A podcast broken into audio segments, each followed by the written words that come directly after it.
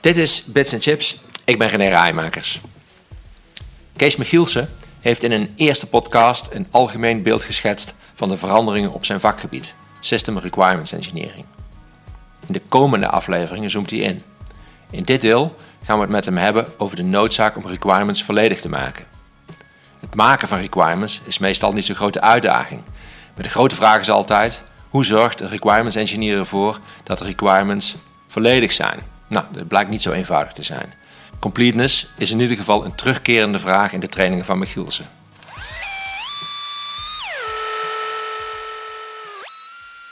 Welkom Kees. Dankjewel. In ons eerste deel uh, van de serie over requirements engineering gaan we praten over completeness. Waarom heb jij dat gekozen als eerste onderwerp wat wij moeten bespreken?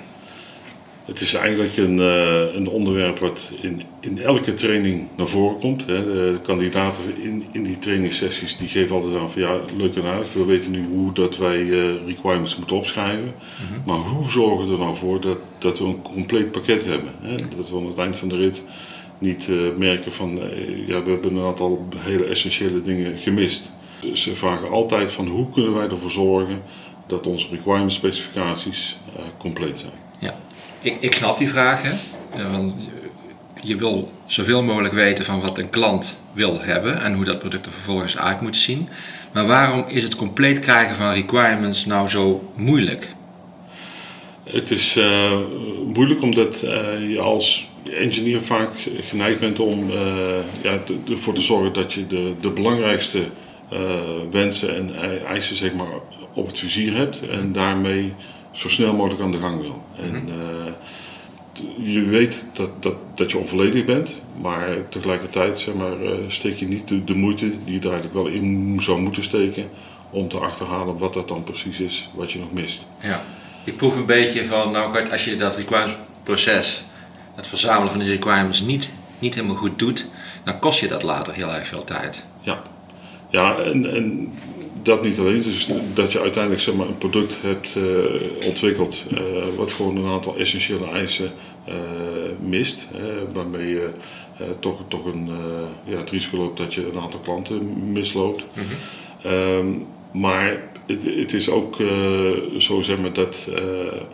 naarmate je, je verder gevorderd bent in jouw ontwikkelproces, kost ook elke toevoeging, elke nieuwe eis, zeg maar, kost onevenredig veel meer tijd en effort om dat uiteindelijk in het eh, product te krijgen. Ja. Kun, je, kun je kort een paar tips geven aan mensen om die, waarmee ze snel ervoor kunnen zorgen dat je die requirements wel compleet krijgen? Ja, zeker. zeker. We hebben in de, in de afgelopen tientallen jaren zeg maar, eh, behoorlijk wat eh, ervaring opgedaan met, dit, uh, met dit probleem. Zeg maar. En uh, waar, waar het in feite op neerkomt is, is dat op de eerste plaats je moet zorgen voor een, uh, een, een, duidelijke uh, identificatie van jouw stakeholders. Mm -hmm. Dus zorg ervoor dat je alle stakeholders die op een of andere manier invloed hebben op de kwaliteit van jouw product of die daar zeg maar, het succes mede bepalen van, van jouw product, mm -hmm. dat je die uh, in beeld hebt. Hm. En uh, als je die dan in beeld hebt, dan, dan hebben we diverse onderdelen van het requirements engineering proces. Uh, die helpen om ervoor te zorgen dat hetgeen wat die stakeholders zeg maar willen en verwachten van jouw product, dat dat ook boven tafel komt. met een mooi Engels woord noemen we dat elicitation. Tijdens dat elicitation proces mm hebben we verschrikkelijk veel uh, technieken om ervoor te zorgen dat wij ook uh, begrijpen wat die stakeholders van ons uh, verwachten. En dat we dat ook kunnen verwoorden op de goede manier. En we hebben het dan over use cases, we hebben het over stories, scenario's, interviews, roleplay.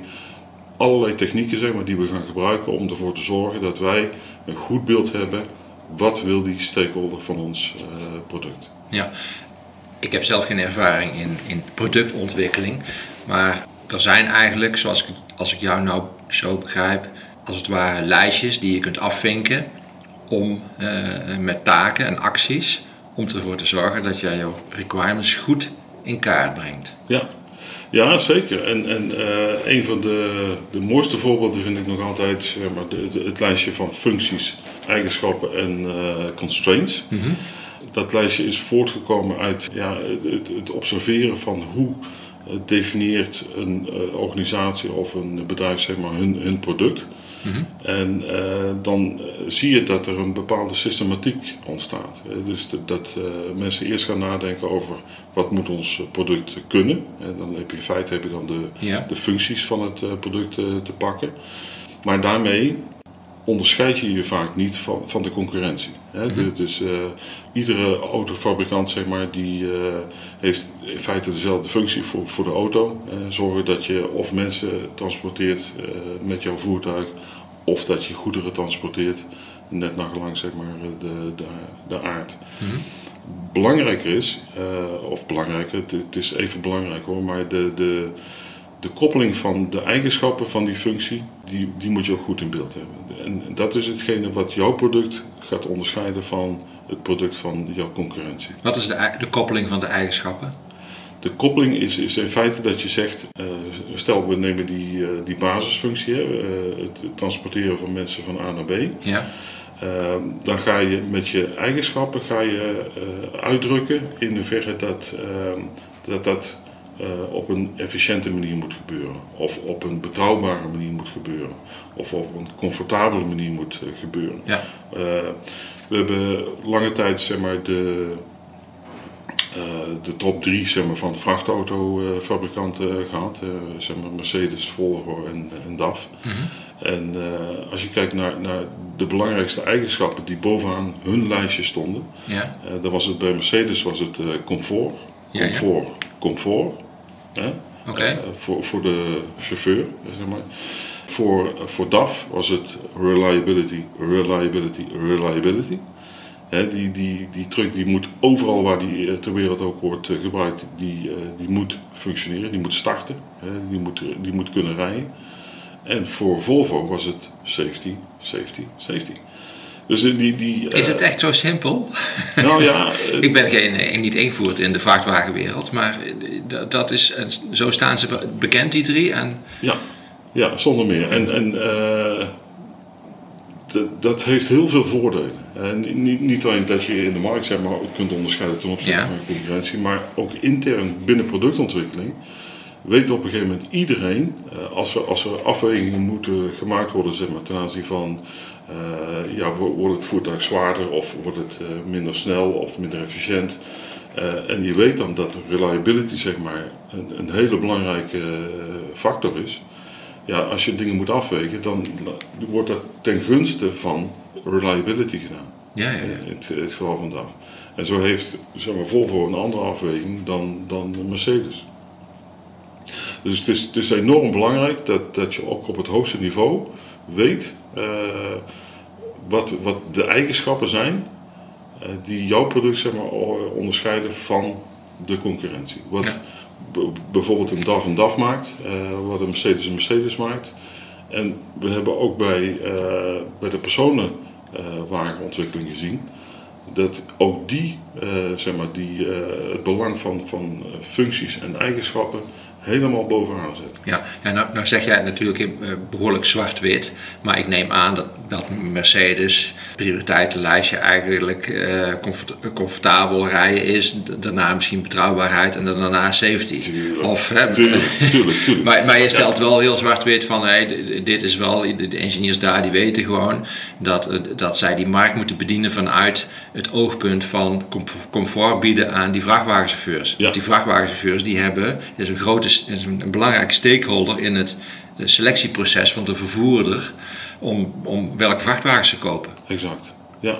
Dus daar komt dat vandaan. En, en misschien zal de, de, de Zweedse blik van de, van de Volvo op, op veiligheid, doordat ze ervaring hebben met het verkopen van veiligheid, van veilige auto's. Bij Volvo stel ik me altijd een, op personenauto stel ik me altijd een veilige auto voor. Ja. Dat zij vanuit die blik, die, die, dat, dat verkoopargument uh, handelen. Exact, ja. Ja, dat klopt. Ja, maar, je, hebt, uh, je, je, hebt volkomen gelijk. Uh, het pakket van, van eigenschappen, zeg maar, dat is niet beperkt tot die, tot die ene. Nee, maar jij, jij, jij, jij, jij, jij zegt het even om het te benadrukken dat je Eigenlijk wil je focus hebben in je, Juist. in je Ja. engineeringproces. Ja, want eh, bij, bij DAF hadden we zeg maar 18 eigenschappen Mhm. en eh, iets van 50 eh, functies. Mhm. Er waren eh, hoofdfuncties en, en, en subfuncties natuurlijk bij. Mhm. En, maar dat, dat pakket samen, dat vormde eigenlijk de, ja, de, de, de hoofdaandachtspunten van productontwikkeling. Mhm. En er werden ook namen aangekoppeld van, van eigenschapsbeheerders, eh, functieverantwoordelijken, die over de verschillende platforms heen, zeg maar, Ja. verantwoordelijk bleven over de implementatie van hun eigenschap in, in dat project. Ja. Welke tijd eh, heb jij eh, bij eh, DAF gewerkt? Periode eh, zeg maar 2006, 7, 8. Ja. Dat is een hele andere wereld dan de luxe autowereld, hè? Porsche bijvoorbeeld. Ja, ja zeker. Ja, dat, op zich wel grappig dat je die, eh, dat noemt. Eh, een paar jaar geleden was ik in eh, Berlijn bij een conferentie over eh, requirements engineering. En ik trof daar Dr. Hans-Jurg Meijer van Porsche. Hij gaf natuurlijk een verschrikkelijk interessante presentatie over de capabilities van, eh, van de Porsche en hoe dat allemaal tot stand is gekomen. Maar ik, ik was met name verrast door de, de titel die hij heeft. de- Zijn functietitel. Precies. En eh, dat was, hij is eh, Leiter van eh, de Produkteigenschaften und Kundenfunktionen. En eh, wij, wij zouden dat zeg maar, vertalen naar eh, hoofd van de, de afdeling System Engineering. Maar ze hebben in het loop van de tijd gemerkt dat het enorm belangrijk is om, om focus te leggen op wat zijn nou de, de eigenschappen van een Porsche die een Porsche een Porsche maakt. En, en eh, dat is zo enorm belangrijk voor het bedrijf. Hè. Eh, ze, ze willen gewoon een sportieve uitstraling hebben. En eh, dat hebben ze vertaald zeg maar, naar wat, wat zijn dan de eigenschappen van ons product. die dat uiteindelijk zeg maar, ook kunnen realiseren. Ja. Als we dat kunnen omzetten naar, naar systemen die, die die sportiviteit zeg maar, in zich hebben. dan kunnen we er ook voor zorgen dat aan het eind van de, van de rit daar een, een sportieve auto uitkomt. Ja. Dus de top van Porsche bemoeit zich actief met detailbeslissingen als het gaat om comfort of uitstraling. Ja, ik, ik, ik zou het niet direct zeg maar, detailbeslissingen noemen. Ik zou het op hoofdlijnen eh, willen beperken zeg maar, tot dat, dat zij bepalen wat zijn de gewenste functies Mhm. en wat zijn de gewenste eigenschappen. Ja. En eh, het, het kwantificeren van die eigenschappen, zeg maar, dat, dat komt in de, in de stap daarna. Oké. In, in, dat, in dat hele proces om de functies en de, en de eigenschappen helder te krijgen, heb je te- maken met beperkingen. Hè? Die Ja. zijn ook belangrijk in het hele requirements engineering proces. Zeker. Wat, wat, wat, eh, wat hebben die voor een rol? Die geven in feite aan van eh, als, je, als je een bepaald product ontwikkelt in een bepaalde sector of een bepaalde omgeving, eh, er is altijd sprake van, van wetgeving. Ah, ja. Eh, of het nou nationale wetgeving is of, of internationale wetgeving. In het voorbeeld van de automotive hebben we natuurlijk functional safety als, Mhm. als een belangrijke standaard en een belangrijke Ja. constraint voor, voor ontwikkeling en productie. Ja. En zo zijn er binnen ja, de medische wereld natuurlijk, is de FDA al jaren leidend om te, te zeggen van nou, dit, dit zijn de eisen waarvan wij eh, vinden dat jullie product moet eh, voldoen. Mhm. Ehm, en zo heb je binnen elke sector heb je wel een, een soort wet, wetgevende instantie die zegt van oké, jullie, eh, jullie product voldoet. Nou, als je die requirements nou bijna rond hebt en je denkt van nou, dit is hem wel ongeveer, dan moet je ook nog een stevige analyse doen of het inderdaad wel is wat, je, wat jij nodig hebt. Ja, ja precies. En, en, en in dat, dat opzicht eh, kunnen we ja, goed gebruik maken van, van de kennis en kunde en de ervaringen van, eh, van anderen in deze wereld. En Er zijn diverse eh gurus op het, niet alleen op het requirements engineering domein, maar ook op het system engineering domein.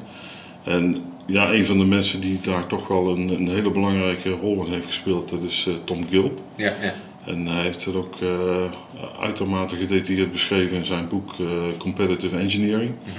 En wa- wat ik met name zeg maar, in, in de context van completeness daarin mee zou willen nemen, dat is de, eh, het principe dat hij zegt van nou, als je een, een, visueel beeld zou moeten vormen van, van een, een, functie, en dan zou je die bij wijze van spreken in het midden van zo'n diagram kunnen zetten.